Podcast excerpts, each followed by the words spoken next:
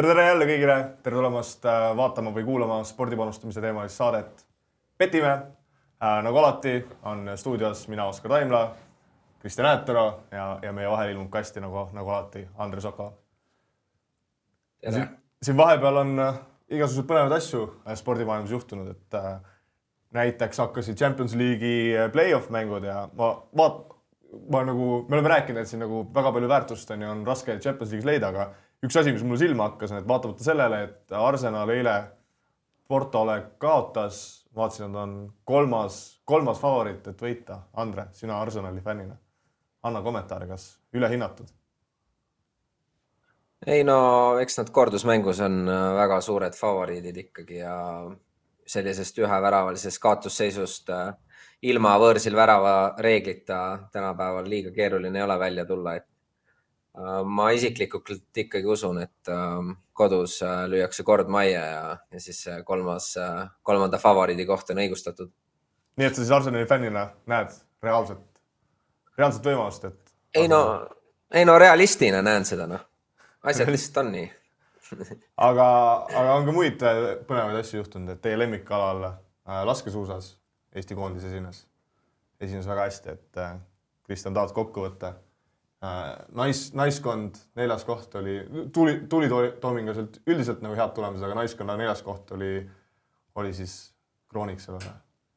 jah, ei no suurepärane tulemus, kuigi ta tuli nagu väga, ütleme ootamatult, äh, mitte küll nii-öelda vahetult enne sõitu, ütleme, mm juba näitas, et et päris hästi liiguvad, aga ütleme hooaja nii-öelda lõikes äh, päris uskumatu saavutus, et äh, ma nagu ise äh, nautisin neid eestlaste esinemisi väga, aga natukene olen mures, et nii-öelda, tulemused tulid nii ebastandardsetes võistlusoludes, et ma ei, ise nagu natukene kõhklen, et kas see oli nagu reaalne jõudude vahekord versus ülejäänud maailm, et et aga nagu isiklikus plaanis nagu Tuuli nagu võttis ennast väga väga hästi kokku, sai laskmisega suurepäraselt hakkama ja, ja, ja nii-öelda nad realiseerisid oma selle hea, hea, hea füüsilise ja hea nii-öelda head suusad äh, suurepäraseks tulemuseks, et selles mõttes äh, viis pluss. Andre, lisada midagi? ei, minu arust ka ikkagi ülimalt äh, tore mm, et siin lisaks naistele ju Kristo Siimer parandas ka oma parimat kohta väga ülekaalukalt, muidugi see sõit iseenesest oli eks ta natuke veider oli ja Eesti määrdetiim sai seal väga hästi hakkama ja asjad nii-öelda klappisid, aga. kas see Siimeri mitte ei olnud et, äh, üldse nagu e-, meestel parim tulemus MM-ilt laskesuusas? jah, võib-olla vähemalt lähiajaloos kindlasti, et äh, väga nagu sümpaatne oli ka näha mehi, aga ma tean, et Oskar, sina oled öelnud, et see Eesti neljas koht on ikkagi õnnetus, et nii lähedal kolmandale kohale ja ikkagi ei saavutanud midagi, et. Äh, ja ei no selles mõttes ilmselgelt, ilmselgelt see neljas koht on nagu ülikõva saavutus äh,. aga nagu mina nagu spordi, spordimehe hingena või fännina või mis iganes, et, äh, et me tulime nagu neljandana üle finišijoone, käed taeva poole onju, et see on nagu, nagu sihukest võimalust ei teki enam mitte kunagi äh, Eestil äh, saada medalit äh, teate, teatevõistlusel nagu laskesuusas, et sul nagu oli reaalne võimalus viimases lasketiirus äh, teha medalile.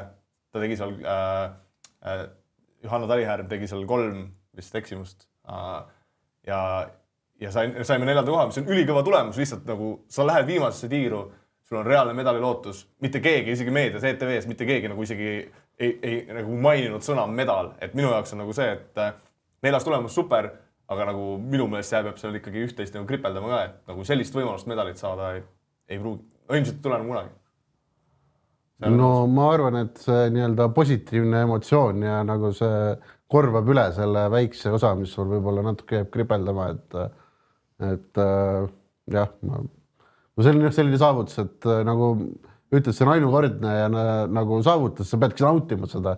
Ja sa pead olema õnnelik selle üle, sest suure tõenäosusega sa ei, ei juhi maailmameistrivõistlusi seal kuuekümne tuhande vaataja ees, eks ole, et äh, et äh, ma arvan, et see on erakordne saavutus ja nad peavadki seda nagu nautima sada protsenti ilma mingisuguse kahetsuseta. no Box Takes siin ütlebki, et ei, ei oleks nagu nulliga ka seda medalit tulnud, et te olete te üle vaadanud selle arvutuse, et kas see nulliga vist, seal oleks nii pinnamin olnud? no seal saab erinevaid arvutusi teha jah, et äh, vist pigem ei oleks nulliga tulnud, noh. esiteks seal oli päris tuulised olud ja nüüd, kui me räägime siin, et oi, kui Johanna oleks lasknud väga kiiresti nulliga onju, et et see nii oleks, et see võib-olla oleks juba võinud mõjutada ka nii-öelda Schneideri sakslase laskmist, eks ole, et ja me ei tea, palju seal viimasel ringil Schneideril varu jäi suusatamisega, kuna tal oli nii-öelda koht kindel, sest ta ilmselgelt ei pannud täiega. et selles mõttes mulle no tunde järgi tundus, et nulliga arvestades, mida Schneider lasi, siis äh, ei oleks seda medalit tulnud, et äh, selleks oleks olnud vaja, et Schneider oleks äh, läinud trahviringile. Okei okay,, meil sissejuhatus läheb siin päris pikaks, ma ühe asja veel tahtsin, tahtsin küsida, et, et Tuuli Tooming on emotsionaalne sportlane, on ju, Indrek Tobreluts väga rahulik treener, et kas siin Anna Levandi saaga valguses siis peab ütlema, et, et on vaja rahulikumaid treenereid või mis sa sellest skandaalist arvad? mis ma arvan?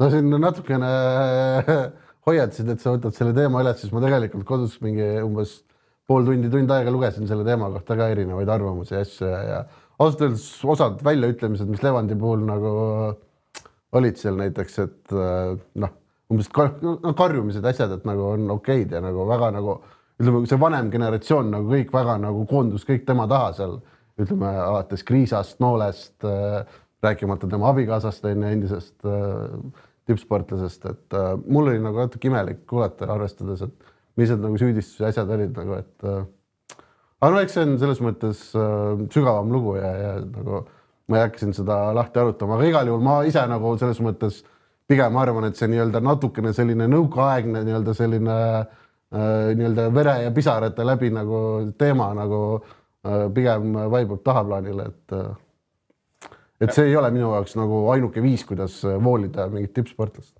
Jah, üldiselt nõus, kuigi see saaga mulle endale meenutab ühte niisugust filmi, kes ei ole näinud, soovitan vaadata, Whiplash, kus siis on nagu näidatud, et äh, kuidas selline push imine, kas make it or break it tippu, aga okei okay. äh,.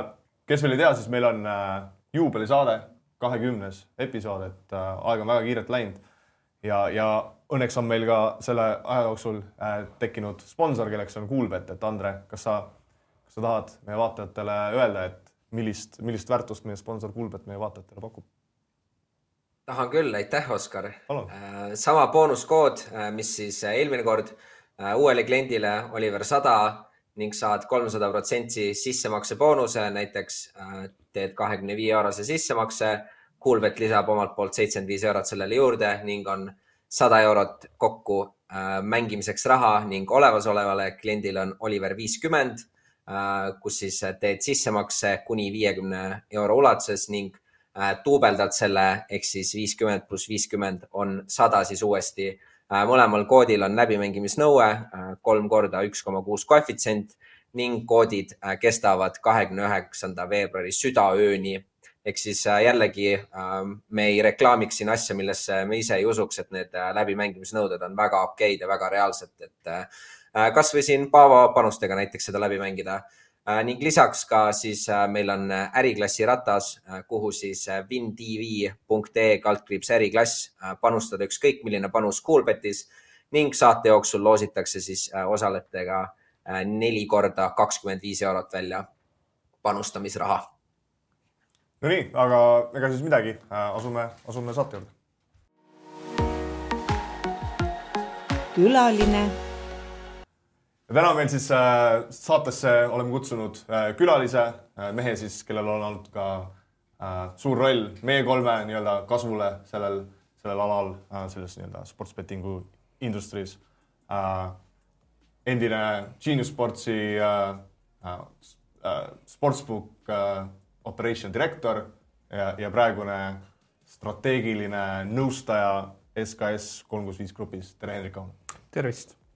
Räägi siis meile, mis, mis su praegune, praegune roll äh, endast äh, ette kujutab ja mis su roll Genius Sportsis äh, oli? jah, Genius Sport, Sportsis äh, te tegelesime rohkem B2B poole peal, nüüd ma olen äh, päris Gilfi kontori juures ja näen ka seda poolt natuke, et kuidas Gilfi kontor opereerib, et ja nõustajana ma nii-öelda aitan neil automatiseerida ja efektiivsemaks protsesse viia, et natuke ka kaasajastada nii-öelda kihlveokontorit. küsingi selle kohta, et kui suur see nagu e,, nagu erinevus sinu jaoks oli, et kui sa tuled nagu nii-öelda sellest maailma suurimast äh, nii-öelda B2B firmast Genius Sports on ju, ja siis nagu liigud nii-öelda B2C äh, keskkonda, et kui suur see nii-öelda erinevus on töötada, töötada B2B versus B2C? see erinevus oli üllatavalt väike, ma ise arvasin, et see on palju suurem äh,. väga palju on sarnasusi ja ma ütleks isegi, et sihuke kaheksakümmend, üheksakümmend protsenti on täpselt sama, et väga vahet ei ole aga nüüd, nüüd, kus sa siis töötad, äh, töötad äh, B2C peal, on ju, siis sul on, äh, sa oled nüüd ise siis selles rollis, kus sa nagu Geniuse-suguseid firmasid pead nagu hindama või mm -hmm. nii-öelda ostma endale nii-öelda teenusepakkujaid äh, sisse, et, et me oleme siin ka nagu saates palju rääkinud, on ju, nendest plussidest ja miinustest, et näiteks äh, meile meeldib seda kambi näidet tuua, on ju hästi paljud äh, kihlveokontorid Eestis on nagu natuke ühenäolised mm., selles mõttes, et nagu võtavad nii-öelda ühelt teenusepakkujalt ja siis nende nagu see sportsbook näeb nagu väga sarnane välja. aga samas on nagu arusaadav, on ju, et kõik ei ole nii, nagu sellise võimekusega nagu Coolbet, Olibet, kellel on nagu siis nii-öelda in-house trading tiimid, pakuvad asju, et, et kui sa nagu omalt poolt peaksid nagu välja tooma põhilised nii-öelda plussid ja, ja miinused äh, nii-öelda odds provider'ilt äh, nagu teenust, teenust võtta. Jah, et see sõltub Gilfi, Gilfi kontori võimekusest, et palju ta suudab ressurssi alla panna, et äh, pakkujatega koostööd teha, et väiksemad Gilfi kontorid, nad suudavadki ainult ühega koostööd teha ja siis tihtipeale nad võtavad mõne suurematest, et saada neil kõik teenused pakk kätte. Äh, ideaalne Gilfi kontor, ma arvan, peaks vähemalt töötama umbes kümnega kümne erinevaga ja siis panema sealt niisuguse pusle kokku. et tänapäeva Kihva kontorite ülesanne peamiselt ongi panna see pusle erinevatest äh, pakkujatest kokku, et kellel on tugevam jalgpalliprodukt, kellel korvpalli äh, siis on ka niisugused nišispordialad, mida kõik ei oska teha, näiteks e-sport või kriket, need võtta üldse kolmandalt osapoolelt või siis mängijate turu panustamisvõimalused, et need on niisugused väga keerukad asjad, mida pakkuda ja suurtelt tihti ei ole seda ressurssi, et need ise välja töötada. ja siis ongi, et tänapäeval kihlveokontoritel on need IT-tiimid palju suuremad kui trading tiimid ta võib olla niisugused üksikud kõige suuremad nagu Bet kolm kuus viis, nendel on veel endal hästi suur trading floor, kes jaksavad ise kõike, kõike seda teha. aga sa siin mainisid, et äh, nii-öelda ühel äh, suuremal bookmaker'il võiks olla seal ütleme umbes äh, kümme erinevat nii-öelda seda teenusepakkujat sisse ostetud, et et siin eelmine nädal hiljuti Olipet oli vist päris pikalt mm -hmm. maas, ma ei tea, üle kahekümne nelja tunni oli maas. üle neljakümne kaheksa. üle neljakümne kaheksa tunni nad viitsid, sest neil see üks teenusepakkuja ei töötanud. Betconstruct. jah, et Betconstruct oli siis maas ja oligi kõik nagu, et kas siin nagu sinu arvates näiteks Olipet on teinud vea, et neil ei ole sellist nii-öelda tagavara provider'it, et vähemalt nii-öelda kasvõi ütleme, bare miinimum, sa pakud vähemalt Champions League'i, ütleme kõik suuremad asjad, et nagu et äh, kas see on sinu arvates viga või, või, või miks nad on üldse nii otsustanud eks see on äriline otsus, et kindlasti peaks olema niisugune tagavarapakkuja, sest need kõik aeg-ajalt lähevad ikkagi maha või on tehnilised, tehnilised probleemid või siis kasvõi on üksiku mängijaga näiteks äh, mõnel suurel pakkujal läheb äh, skaut, äh, ma ei tea, kukub kokku näiteks ja ei saa enam seda datat, siis sa saad kohe teisele üle hüpata. aga see on jälle niisugune kallis lõbu, et lihtsalt niisama ka, ka, kahte enda, enda nii-öelda palgal hoida. et see on niisugune äriline otsus, tänapäeval enamus ikkagi lähevad vähemalt nende kahe suure peale just sellepärast, et oleks nii-öelda see inglise keeles resilience siis, et kui midagi tehniliselt juhtub, et saab ümber lülitada. või siis on end, endal, endal piisavalt suur trading tiim, kes suudab vajadusel manuaalselt ka, katta kriitilised nii-öelda mängud. Mm -hmm.. Kristjan tõi selle Olibeti näite, et äh, kui sa paneksid ennast ise sinna või no ma küsiks sult niimoodi, et sul on nagu kogemus selle ala, et äh, kui me räägime siin nüüd üle neljakümne kaheksa tunnisest äh, perioodist, mil ei olnud nagu inimestel võimalik äh, nagu panustada, et võtame mõlemalt poolt, et jällegi nüüd B2B pool mm -hmm. ehk siis nii-öelda äh, Betconstruct ja siis nüüd B, nagu Olibeti poolt on ju, et mis see, kuidas sa seda nagu damage'it hindaks või seda kahju, et kui suur, ma ei tea, sa võid, kuidas sa ise tahad mõõta, kas, kas sa tahad mõõta rahas, mainekahjus nagu mõlemalt poolt, et kuidas sa seda kirjeldaksid? kihlveokontorile ka kahju on suurem kindlasti main, maine, mainekahju, et rahaliselt see nelikümmend kaheksa tundi, see on alla ühe prossa aastasest kä käivest, et ehk elavad üle selle. suur, suurem kahju neile on äh, klientide potentsiaalne kaotus. kui keegi tahab panustada, neil on leht maas Nad lähevad, teevad äh, account'i mõne teise kihlveokontori juures ja siis hakkab äh, või võitlus, et kus ta edasi panustab nii-öelda äh,. teenu, teenusepakkujale, kui nelikümmend kaheksa tundi maas on. mida sa ise teeksid, kui, kui yeah. sa oleksid Olipet ja siis? Äh, siis peaks olema mingi manuaalne ressurss või inimressurss, kes suudab vähemalt midagi pakkuda lehel nii-öelda, et niisugune miinimumpakkumine üleval hoida vähemalt inimesed saaksid midagi panustada. Ant-, antud selle juhtumi kohta ma ei tea täpselt, kelle süü see oli, kas see oli Olipeti enda süsteemid või Betconstru-, Betconstructi. Betconstruct oli nagu maas jah, et kui sa nagu nüüd ise yeah. oleksid selles kohas, et kas sa nagu tahaksid seda koostööd üle vaadata, kas seal on mingid lepingulised asjad või, või? ja, ja si siin tuleb see kahju pool, et Betconstructile on see kindlasti palju suurem, sest seal on lepingutes kirjas need äh, nii-öelda tra trahvid ja miinimumnõudmed, mis peab äh, see teenus üleval olema. ja kui see nii-öelda kihlveokontoril oli see nelikümmend kaheksa tundi, siis vabalt võib olla, et äh, Betconstruct peab näiteks terve kuu seda teenust tasuta pakkuma trahvina. Ja siis see oleks siis juba niisugune kaheksa protsenti aastasest äh, käibest, mis on päris, päris suur nii-öelda, aga ma ei tea neid lepingu detaile sa enne mainisid seda nii-öelda pusle kokkupanemist, et erinevaid nii-öelda erinevaid teenusepakkujaid erinevate nišidega onju ja siis ka nii-öelda erinevaid vajadusi. et ma küsiks sult, mis sa arvad, millise toote järgi praegu on äh, kõige suurem nõudlus või kõige rohkem vajadus või, või millist toodet, võib-olla mingi toode, mis on olemas, aga võib-olla ka mingi toode, mida nagu veel ei ole, mille järgi oleks nagu äh, nii-öelda nõudlus Kü? kümme aastat tagasi umbes hakkas nii-öelda in-play bettingu võidukäik kus varasemalt kihlveokontorid tegid seda maja sees ja ka siis tulid need suured teenusepakkujad ja hakati seda sisse ostma. Äh, tänapäeval väga vähestel kilf, kihlveokontoritel on võimekus seda nii-öelda täitsa iseseisvalt pakkuda, sest see nõuab väga kõrgetasemelisi matemaatilisi mudeleid, mida niisugune keskmise suurusega kihlveokontor ei suuda lihtsalt äh, arendada.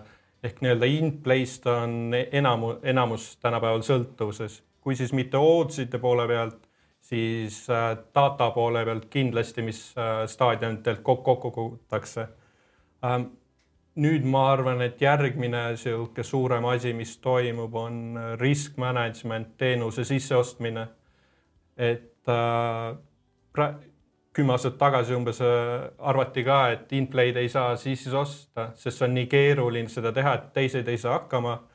aga tõestati, et saab aga otsustati, et hoiame selle risk management'i, kes hoiab nii-öelda siis äh, ülevaadet, et mis toimub, hoiame selle maja sees. nüüd hakatakse aru saama, et see on päris kulukas seda üleval hoida ja te tegelikult mingil määral need teenusepakkujad saavad seda teha isegi paremini kui kihlkontor ise.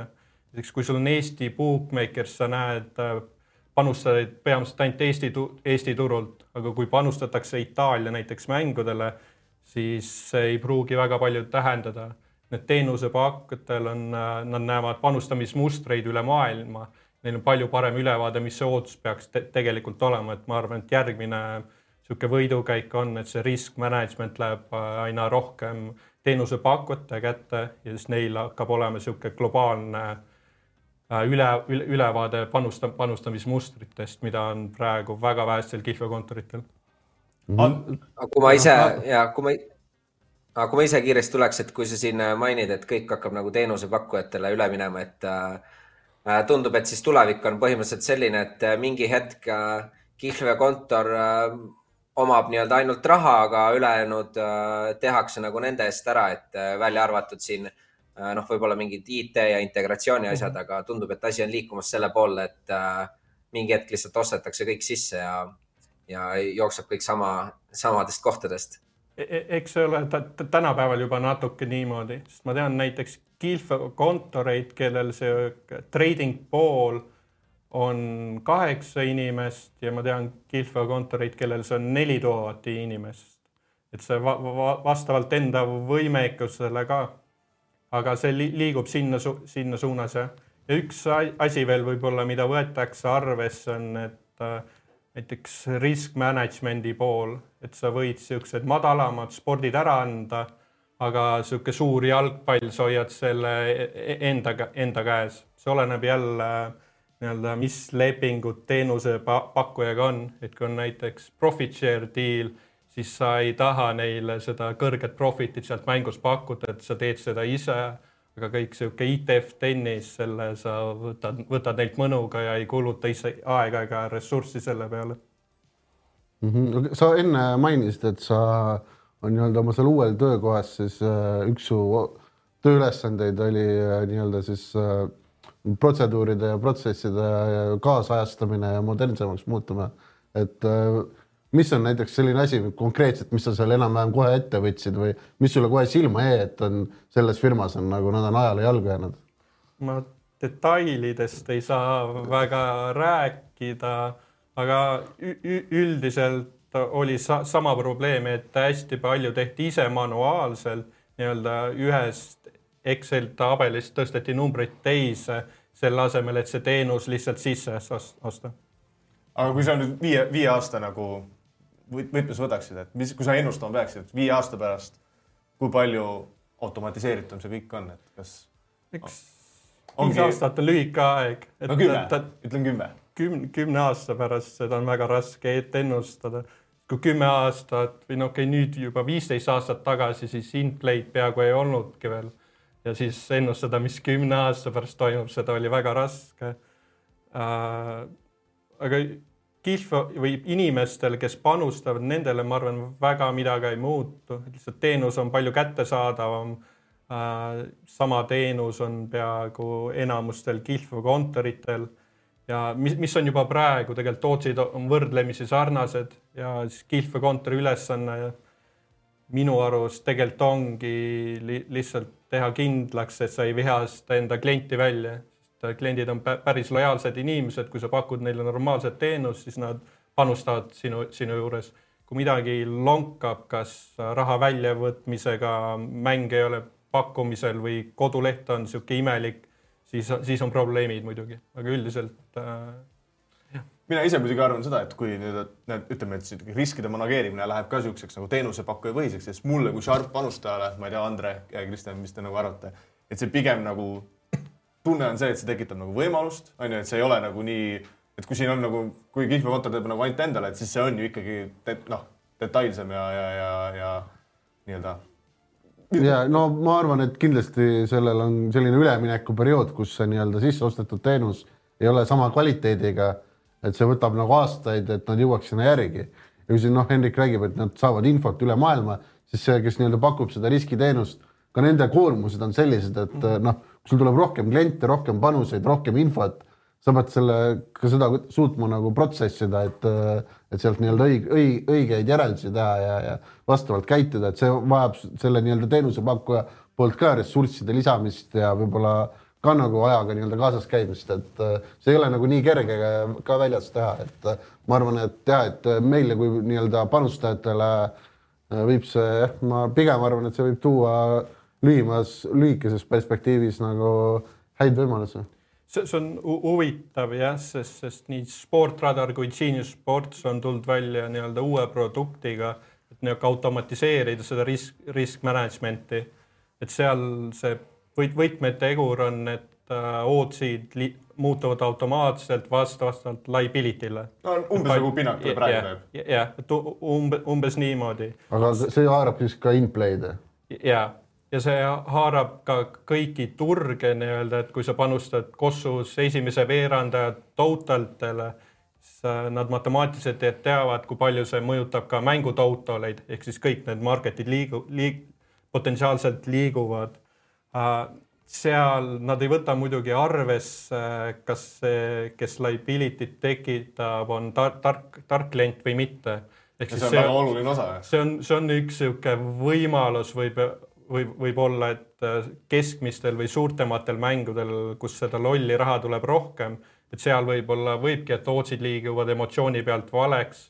väiksematel mängudel, kus on rohkem sharp'e, seal võib-olla läheb võimalusi vähemaks, sest sul ei ole seda nii-öelda lolli raha, kes seda ta, ta, tasakaalustaks või otse valele poole liigutaks. pluss see on nagu ka manipuleeritav, et tegelikult paljud kasutavadki pinnakleid ju turu äh,, turu manipuleerimiseks, et kui nende nagu ja äh, ootasid, ma küsingi selles mõttes, et kas praegu siin kas Radar või, või, või Geenius tuleks oma selle -hmm mõlem, mõlemal on see ikkagi suhteliselt nagu toores veel äh,, nii palju kui mina tean, see nii-öelda produkt, et kas sa ise oleksid valmis praegu minema neile, võtma nad nii-öelda, minema kliendiks, võtma nende seda nii-öelda automatiseeritud äh, trading ute risk management? Äh, ma, ma arvan küll, sest äh, tihti ülehinnatakse seda mõne Sharpi nii-öelda mõju kilpkontorile Te. tegelikult sul on ikkagi ma massid panustavad seal ja kui sa suudad neilt teatud protsendid rohkem Äh, välja pigistada, siis on ka sa Sharpidele oled natuke võib-olla andest-, andestavam.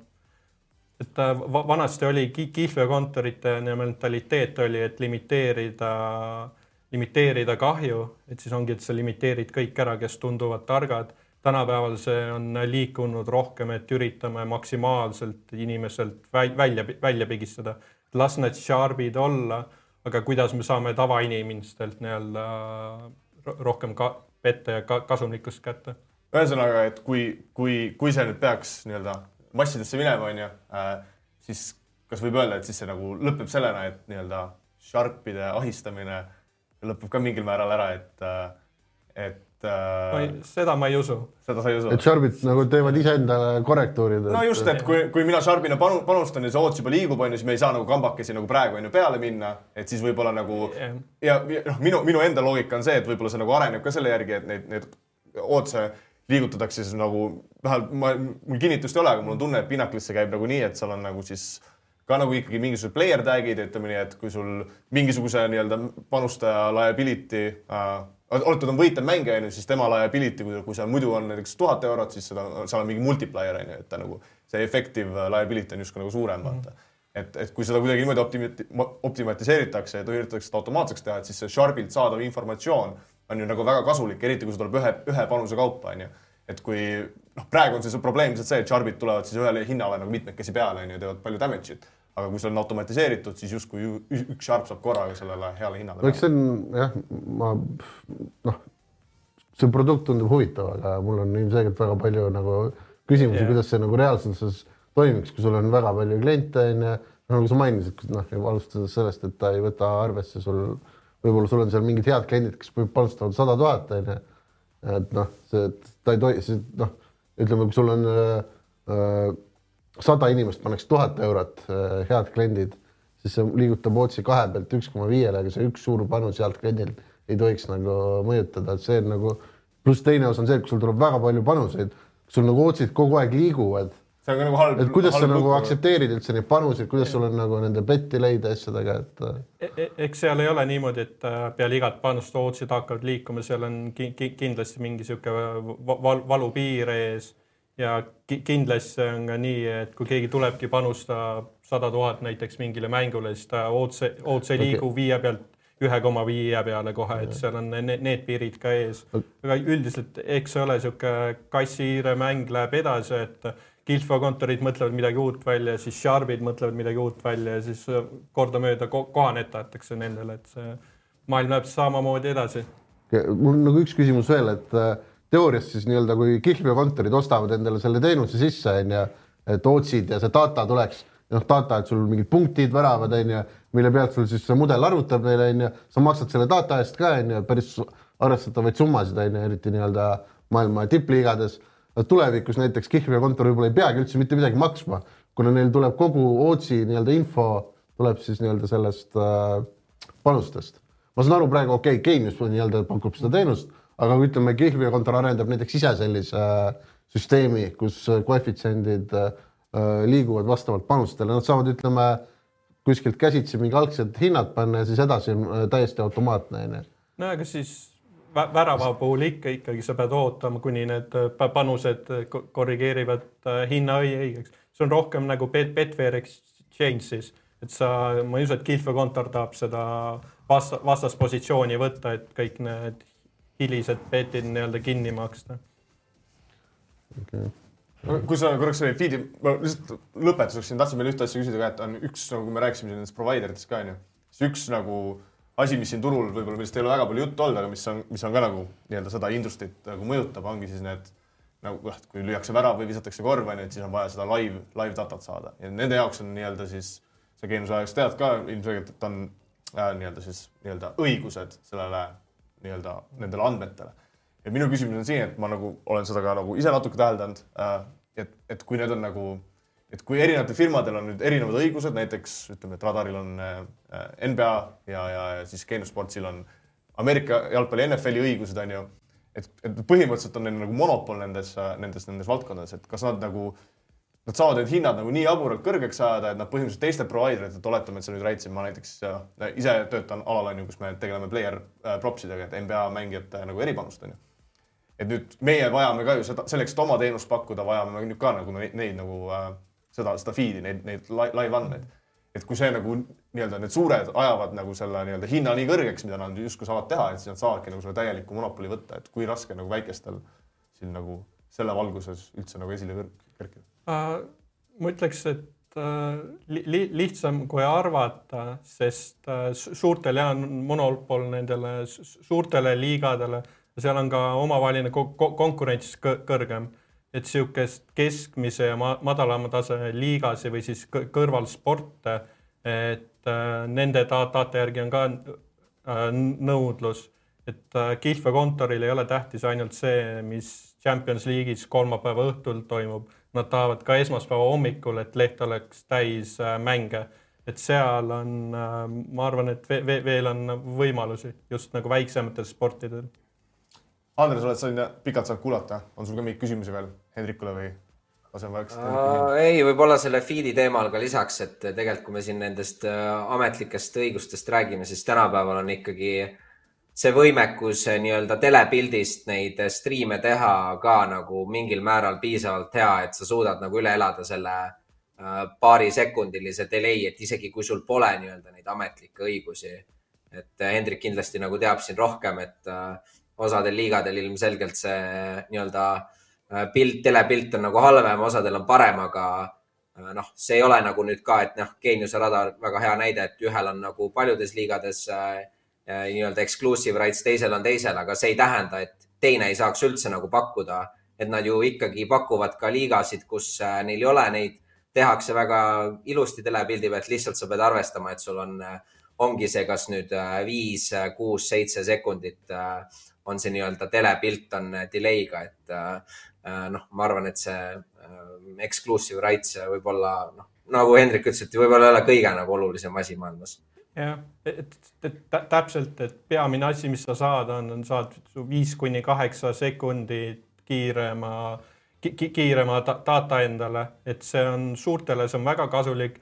sa saad lasta inimesel panustada nullsekundisse beti leiga, sa pead natuke limiteerima aga siin ka tuleb niisugune nii-öelda management'i Excel välja, et kas sa oled nõus selle mängu eest kümme korda rohkem maksma või isegi osadel ekstreemsetel näidatel tuhat korda rohkem maksma, et seda kaheksa sekundit äh, saada.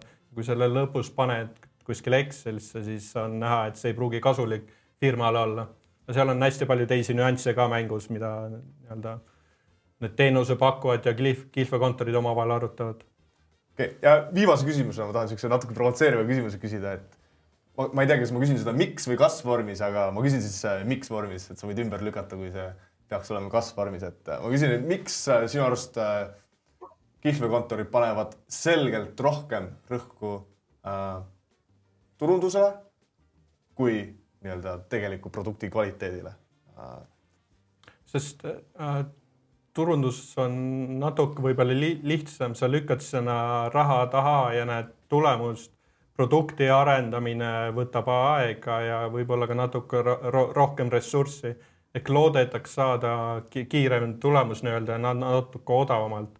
seal on kihlveokontorite puhul ka kogu aeg on võitlus, on niisugune customer acquisition ehk klientide saamise ja siis customer retention ehk nende kinnihoidmisega et sa võid näiteks welcome boonustega väga palju uusi kliente saada endale, aga siis kliendid võivad tulla ja vaadata, et siin pole ju midagi teha, et see teine kihlveokontor on palju parem ja läheb minema. et see jah, et see on natuke odavam ja kiirem ja seda saab paremini mõõta ka võib-olla.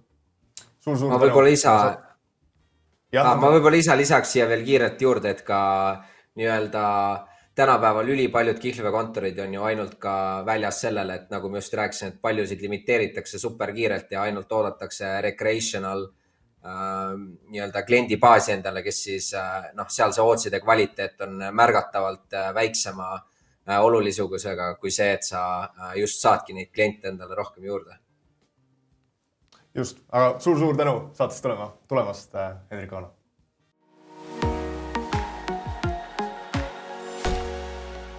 enne kui me lähme, siis meilt küsiti ka, et kes Hendrik oli, et mis positsioon, et siis uuesti kordan üle, et ta oli äh, Genius Sportsi äh, director of sportsbook operations ja praegu töötab strateegilise äh, konsultandina SKS kolm kuus viis grupis. ja, ja siis võib-olla selgituseks ka, et see nagu põhiline teema, mis ma arvan, millest Kristjan ka rääkis, mis see kõige huvitavam osa ongi see, et siis, et nagu nii-öelda teenusepakkujad üritavad siis nagu tekitada sellist produkti, mis ongi siis mis nagu täiesti automatiseeritud nagu liigutab neid, neid hindu, et Kristjan panustab MMA peale, onju. no eks no ja ma saan aru, et see ikkagi no, selles mõttes, et mudel on ikkagi nagu see, noh, mudelil on ka ikkagi efekt jah, jah aga..., no see on nagu correlation. kui sa panustad näiteks mängu totalit, et see mudelid liigutavad yeah. first half no, no, no, poole totalit. no laias laastus sa võid öelda, et see nii-öelda see Pinnacli mudel võib minna nii-öelda märgatavalt laialdasemaks. ja siis sealhulgas ka siis nii-öelda gameplay, et. jah et ma arvan, et jah, Andres, sa oled ka nõus, et nagu meile kui nii-öelda sharp panustajatele see ikkagi, meie selles mõttes nagu nii-öelda töötajatena selle valdkonnas, siis see võib-olla on nagu selles mõttes närvilisem, et võib-olla meie, meie, meiesuguste vajadus nagu kaob ära, aga kui panustajatena on see pigem nagu ikkagi loob võimalusi pigem. Ja no Kristjan ütles minu arust päris hästi, et see nii-öelda lühiajalises perspektiivis võib-olla tõesti, aga kui me mõtleme pikemas perspektiivis, siis ikkagi need kihlveokontorid ju liigutavad hästi palju nagu ka mingisuguste automatiseeritud äh, risk management asjade peale, et sul võetakse põhimõtteliselt su panuse igat elementi arvesse, et äh, mis sa võtsid, kus sa panustasid äh, ja nii edasi ja nii edasi, et ma kindlasti usun, et viiekümne aasta pärast need tooted on piisavalt head tasemel, et see robot nii-öelda lõikab inimesi juba väga hästi ja, ja ei ole vaja nagu inimest üldse sinna okei okay,, paneme nüüd saate tempot ja teeme, teeme praktilise panustamise vooru ära. praktiline panustamine. Nonii äh,, kui saame siia ekraanile Oliveri ka, siis äh,. tšau tuleme, tuleme sind jälle, sind jälle Kuulbetis äh, abistama. kuule, mõistlik oleks, mõistlik oleks, sest et äh, mul siin vahepeal juhtus üks asi, ma ei hakka teile valetama. Äh, mina käisin siis eelmine kord Kuulbetis panustamas. jaa ja ma kuulasin selleks siis kolme targa, ilusa mm, -hmm. toreda inimese noh, niisugust arvamust. no ilusaid on meid ainult üks, aga, aga räägi. no ja, ja vaata, sellega on see, kui sa selle oma tarkuse ja kõik need punktid paned ilu peale, mis võib juhtuda, on see ja mis juhtus, on, et eh, mul olid targad soovitajad Kristjan ja Andre ja siis oli, siis oli viis sotti kombost, mis jäi saamata tänu sinule, Oskar.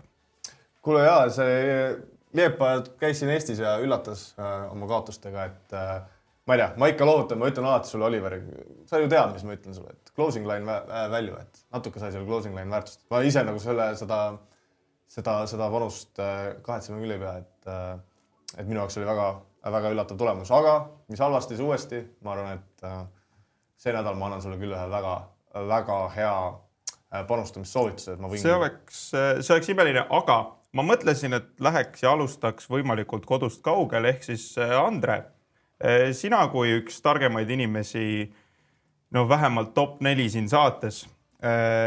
kuidas sina soovitaksid mul näiteks kuskil siin raha panustada?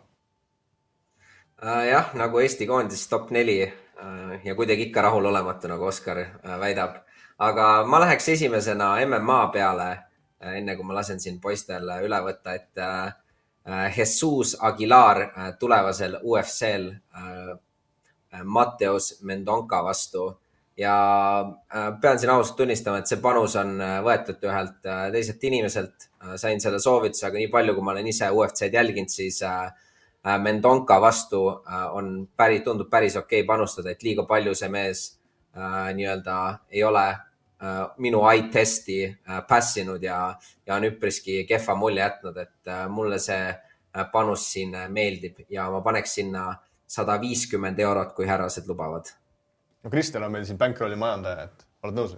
ja, jah, ma lihtsalt lisan jah huvitav, et see on, vist kui ma ei eksi, üle kolme või nelja aasta üritus on Mehhikos, et see on kuus tuhat meetrit äkki oli merepinnast, et äh, Aguilar on siis kohalik võitleja, kes on nii-öelda treeninud seal pikemat aega ja Mendonca minu teada on Brasiiliast ja, ja ei ole nagu nii äh, kõrgel treeninud siin, et see võib olla äh, päris arvestatav eelis, kui see fight siin läheb äh, äh, teise-kolmandasse raundi, et äh, ja pluss jah, Aguilar oma eelmise fight'i lõpetas väga kiiresti, et hea mulje, et sada viiskümmend eurot meie viiesajasest nii-öelda nädala bankrollist on, on mõistlik.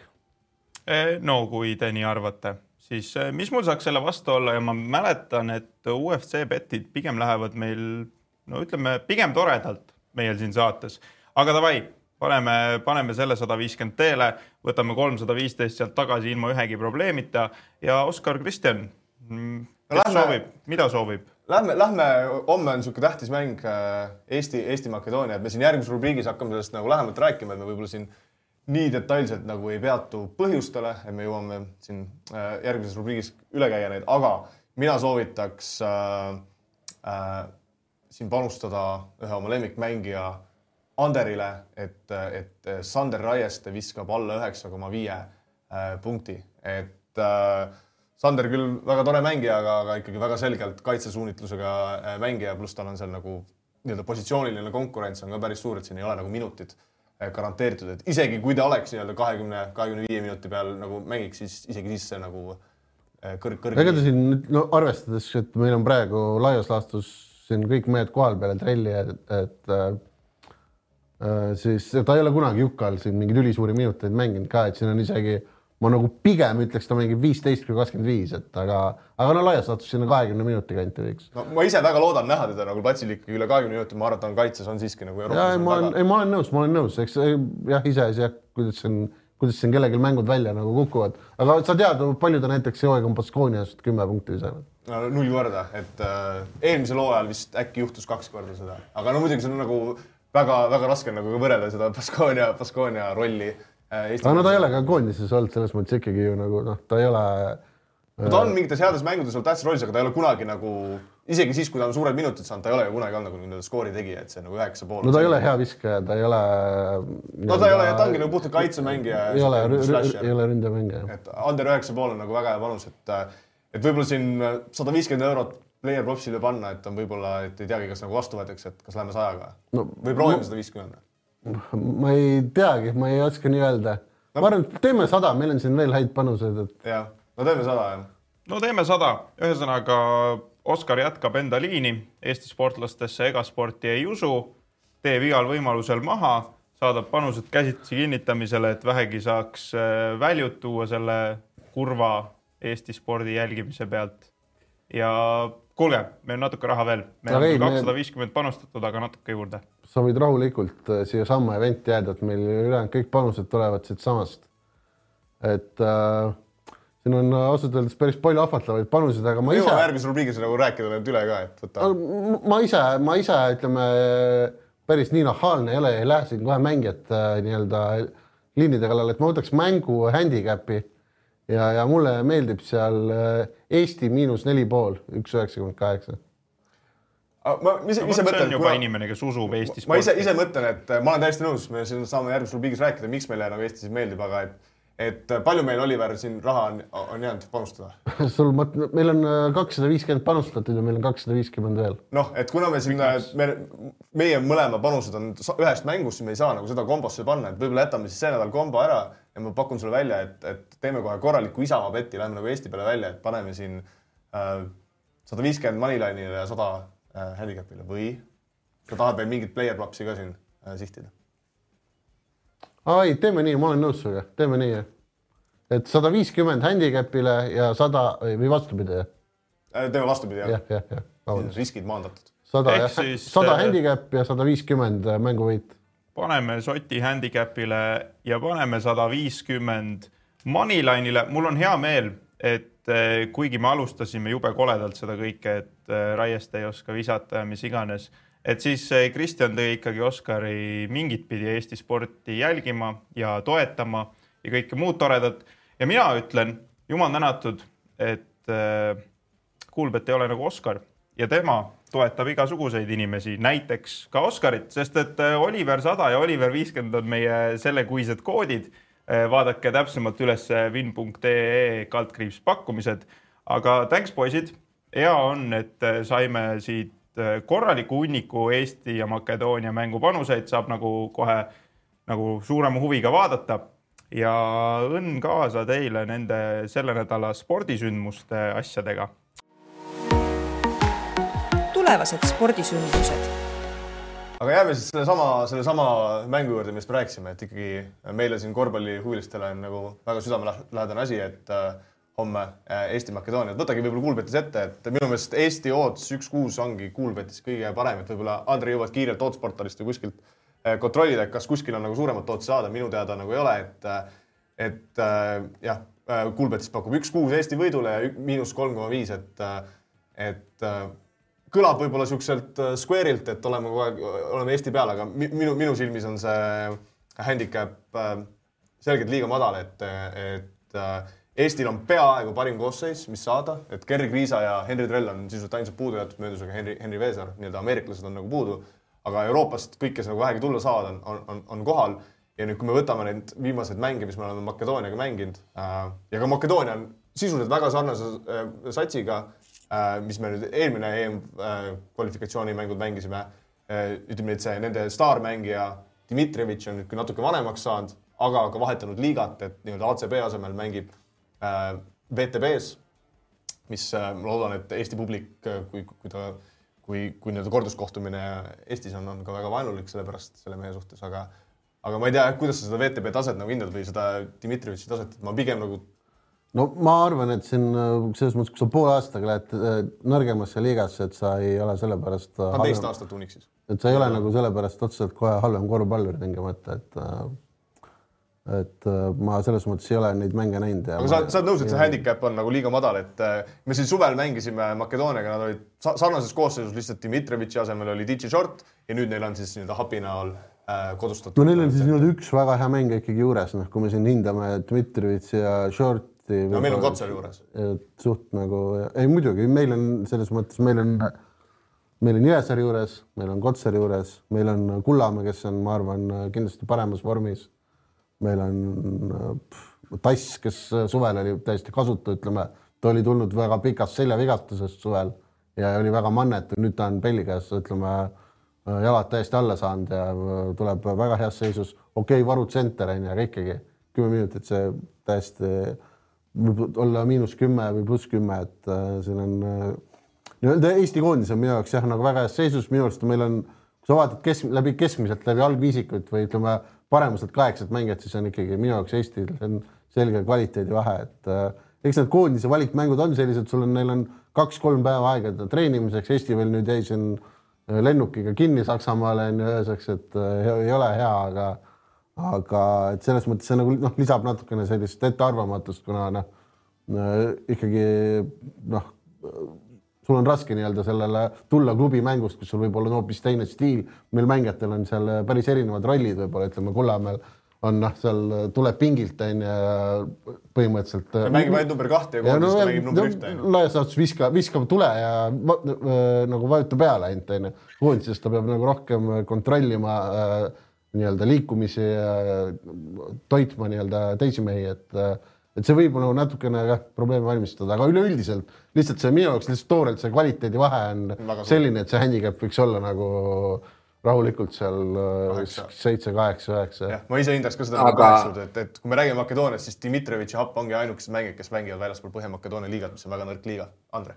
aga Eestil ilmselgelt pole ju meie kolmekümne kaheksa punkti NBA G-liiga sangarit, et äh, kuidas, kuidas see mõjutab Eestit, et no õnneks meil on see number kolme positsioon nagu, kolme positsioon on päris nagu sügav, et seesama Raieste, seesama äh, Jõesaar on ju, et noh, seal on mängijad pannud Konantšuk äh, et, et, et meil on seal, aga, aga võib-olla räägime, meil on vaja edasi natuke, võib-olla räägime siis, kui me siin andsime Oliverile äh, nii-öelda soovitusi, siis vaatame üle, et Kuulbet on nagu väga uhke nii-öelda valiku, offering'u teinud. kiidame. kiidame ja, et erinevaid player props'e, et, et kui me siin Raiest ja Anderist rääkisime, et üheksa pool äh,, siis äh, siin on mõned asjad veel, mis meile nagu meeldivad, et äh, võib-olla, võib-olla ka isegi Paavolt äkki midagi tuleb, et siin äh, kui me räägime, et Kotsar kuusteist, üldse kõik, põhimõtteliselt kõik äh, need liinid, mis sinna pandud, ma ise tahaks öelda, et matemaatiliselt on enamus, enamus under'id on nagu väärtus ja põhjus, põhjus ilmselt peitub selles, et äh, meil on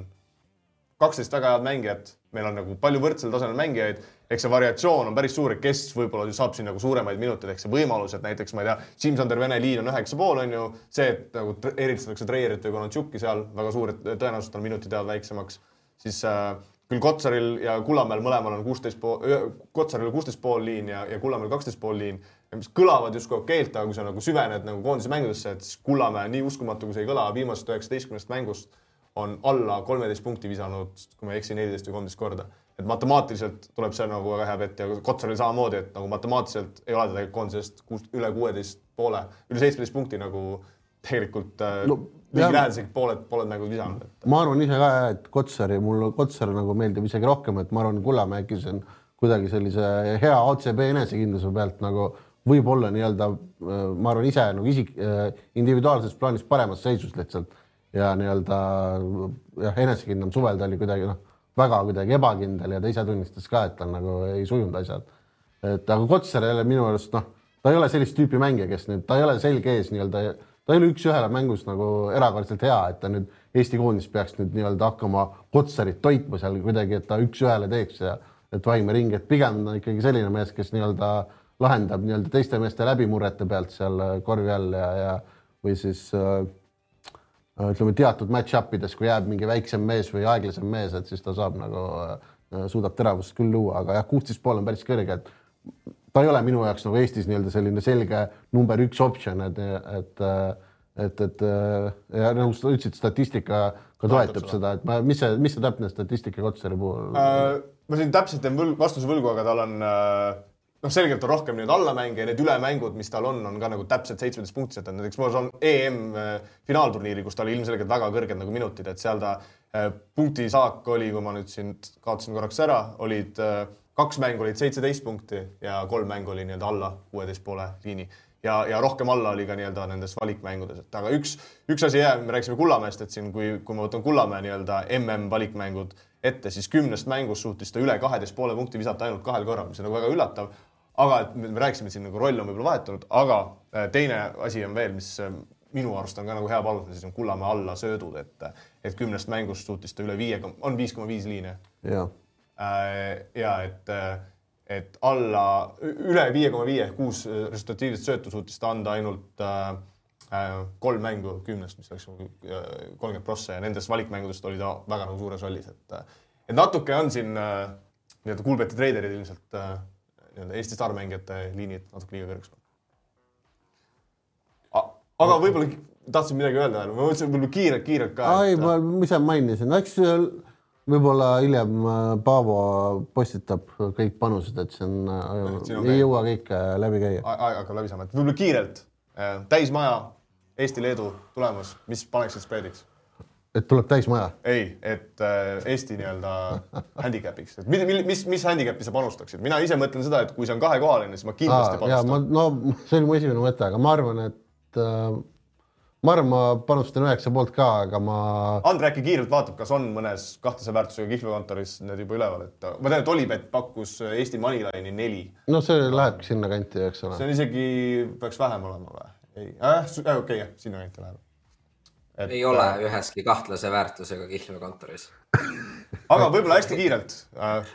meil on siin nagu kahe saate vahel on hakkamas ka Eesti Premium-liiga jalgpall, et äh, Andre sa said siin kuulata, kuidas meie korvpallist räägime, et räägi võib-olla kiirelt nagu jalgpallist, et äh, siin on ka Kuulbetil jällegi väga uhke offering, et neil on erinevaid head-to-head'e, erinevaid market eid, et äh, Eesti Premium-liiga hooaeg äh,. on sul mõned mingid huvitavad asjad nagu silma jäänud, üks, mis jääb kohe silma, et viimased, ma ei tea, viis, kuus, seitse aastat favoriit olnud FC Flora on alles kolmas favoriit, koefitsient kolm üheksakümmend viis. Äh, jah, et kui siin võib-olla tublimad vaatajad mäletavad, et Oskar, sa suutsid meilt küsida sellise küsimuse ka ähm, aasta lõpu eris, et kas FC Flora tuleb meistriks Äh, siis äh, tõesti praeguse hetkega on Flora päris paljudest mängude, mängijatest lahti saanud, äh, siis siin Iiri kõrgliigasse on, on mindud ja, ja ei ole ausalt öeldes mitte kedagi suurt tasemele toodud, et eks see sellepärast ka selline hindade liigutamine, aga ma nii-öelda neid võitjaid siin ei ole nii-öelda panustanud ise mitte midagi, aga üks asi, mis on silma jäänud, et olen siin neid hindu võrrelnud kihlveokontorite vahel ja, ja Olipet ja siis Coolbet eriti, et nemad siin äh, võistlevad sellega, et kes siin äh, kõige rohkem äh, ja kõige varem suudavad selliseid outride'e pakkuda ja üks asi, mis silma jäi, et kui me siin lähme selle väljalange otsi peale ja, ja Kristjan, sa keriksid natukene allapoole, et mu peanuppu tagant paistaks Nõmme Unitedi ots välja, siis see on praeguse seisuga kuus viiskümmend ning Olipetis näiteks on sellesama panuse Äh, väi-, noh, näiliselt sama panuse koefitsient on äh, kolm kakskümmend viis või kolm viiskümmend, et üks kummast.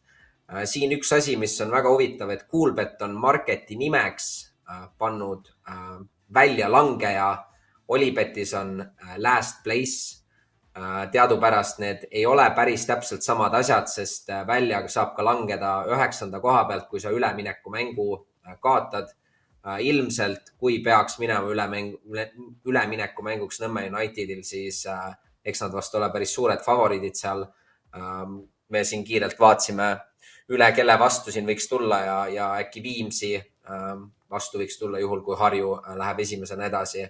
aga tõesti jah, et väga suured Kihlvea ähm, nii-öelda ootside vahed on siin ja mulle see kuus-viis Nõmme Unitedi poolt tundub selline päris huvitav, ma üldiselt üles Äh, tulijate suhtes ei ole liiga high ja, ja samal teemal ka jätkates, et äh, siis on head to head siis äh, Narva mm -hmm. Trans, vabandust no.. ja et siin jah, ma tean, millest sa rääkima hakkad kohe, ma lihtsalt toon välja, et seesama panus, mida sa praegu hakkad nagu ette lugema, on meil ka chatis tegelikult Risto öelnud, et, et sama kindel nagu Flora Kalju vastu aga ja, ja. jah, et äh, tahtsin täpselt sellest rääkima hakata, et Narva Trans üks kaheksa Äh, Nõmme Unitedi vastu, et nagu ma juba ütlesin, siis äh, mina ei ole üldiselt väga äh, kõrgel ülestulijate suhtes. ajalugu on näidanud, et neil on pigem väga raske ja need tasemevahed on väga suured. Nõmme Unitedil on päris väga okei okay süsteem ja, ja, ja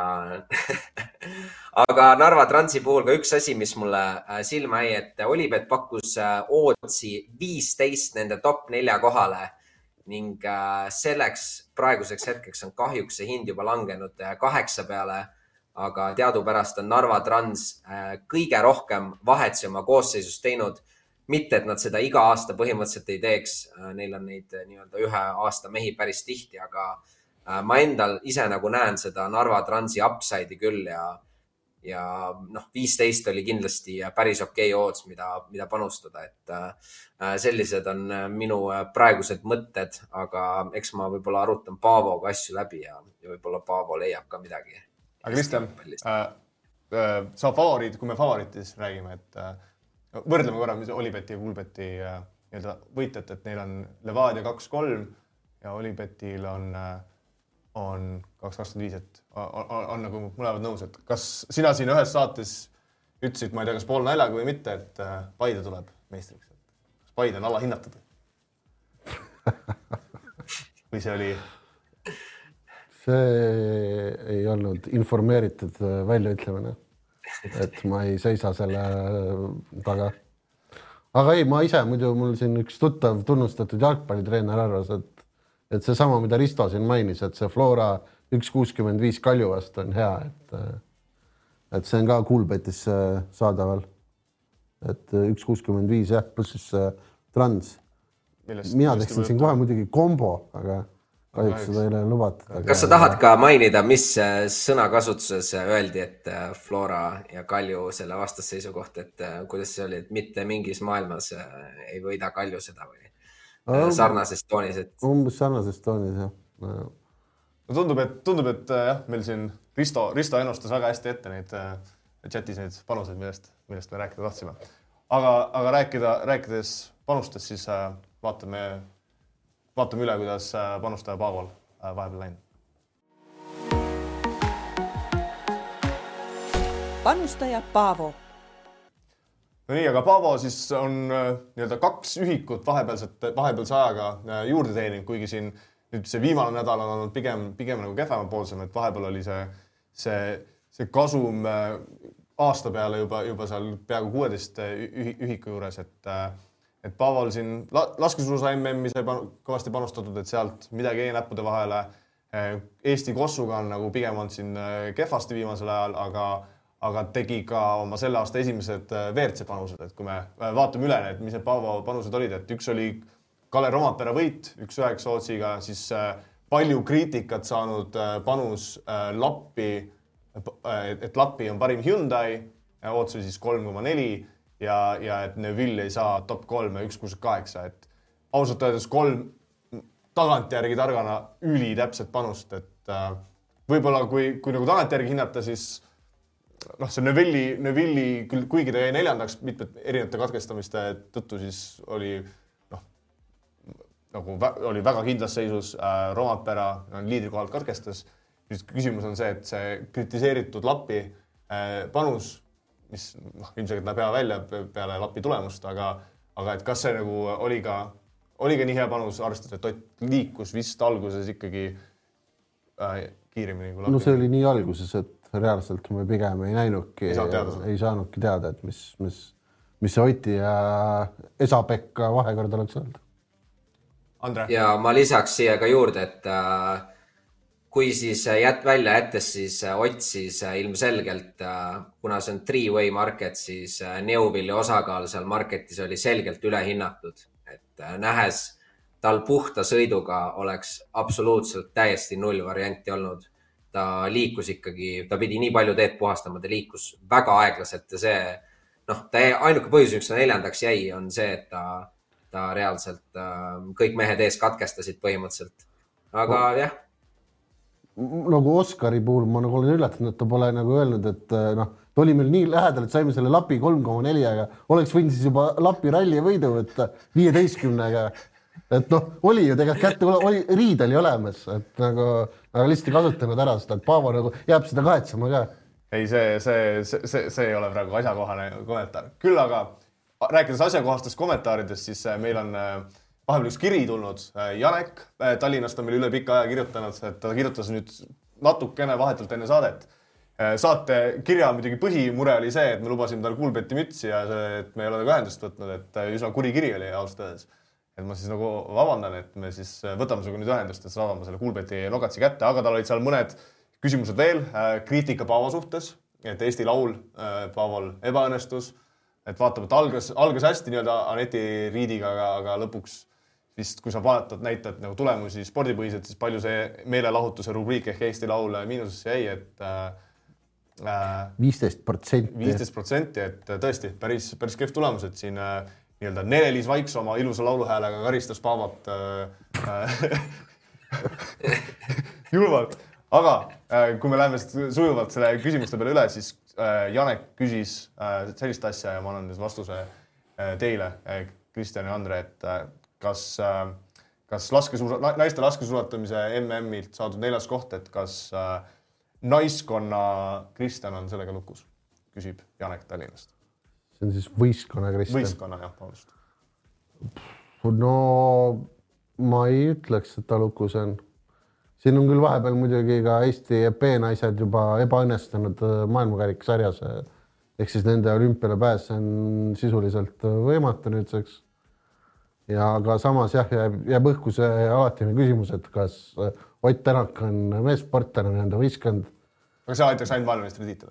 Ja seal aitaks ainult maailma, maailmameistritiitel, aga see maailmameistritiitel on äh, Reaalne. käega katsutav nagu, et äh, Andre, ma ise pigem ei julgeks küll öelda jah, et siin midagi lukus on.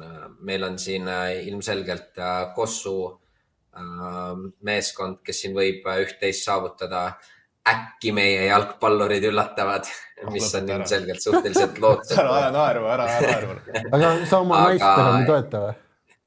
Et kas ja, see ja ilmselgelt äh, Eesti võrkpallinaiskond mängib äh, kuldliigat see suvi, et äh, seal hakatakse siin Prantsusmaasid kottima, siis oi-oi ja läheb äh, jälle lavale ja võtab selle Kristjani vastu. arv, mis võimalused Eesti naiskonnal on kuldliigas? see karikas pea kohale No, tõsta. täiesti null. ma arvan, et ikka suuremad kui see, et jalgpall, jalgpallikoondis. küll on vaja vist ainult kaks mängu võita, aga kuule, ma nägin, et No Eesti, Eesti- Poola oli näiteks normaalaja võiduoodus on näiteks üks kakskümmend Eesti vastu, ehk siis no tundub väärtus. on oodata tasavägist mängu. aga tõsiselt rääkides, see üks kakskümmend ju äh, ma arvan, et see on üks mäng ja ma arvan, et see on Eesti jalgpalli äh, lähiajaloo vähemalt, kui siin välja jätta võib-olla see play-off mäng Iirimaa vastu, siis ma arvan, et need on kindlasti, see on kõige suurem mäng, mis me siin rahvuskoondis äh, mängida saab, et see on tegelikult päris ainulaadne võimalus, et meil on äh, üldse võimalus saada nagu kuskile, kuigi me oleme nii viletsalt äh, esinenud. et mina olen igatahes, no mul on erutus sees no eks see ole süst- süsteemi eripära, et minu jaoks on natukene kummaline, kummaline süsteem, aga eks me oleme seda nagu arutanud ka, aga igal juhul aitäh jälle Janekule kirjutamast, et jälle meil siin elevust saatesse toomast, et äh, Janek veel mainis ära selle ka, et äh, eelmine saade Kristjan sai väga hästi hakkama saatejuhtimisega, et äh, ma annan sulle siis, Kristjan, võimaluse saate lõpetuseks öelda, et kuhu saavad teised inimesed Janeku kombel äh, meile kirjutada. jah, Janeku kombel saab meile kirjutada emaili aadressile petimeepodcast.gmail.com. lisaks on meil endiselt äh, ka aktiivne Facebooki kommuun Petime, kus meil on äh, tänase seisuga juba kakssada üheksakümmend kaheksa liiget, et äh, et äh, mingi hetk ilmselt, kui me saame, teeme äkki mingi tähise, tähise puhul mingi auhinna loosimise. Selline plaan on ja siis lisaks on meil ka endiselt väga aktiivne Discord, kuhu äh, saab kõiki suuri kombopanuseid äh, jagada. just nii ja päris lõpetuseks äh, ma lahendan ühe võla ära, et äh, ma tervitan Mihklit ja kohtume kahe nädala pärast.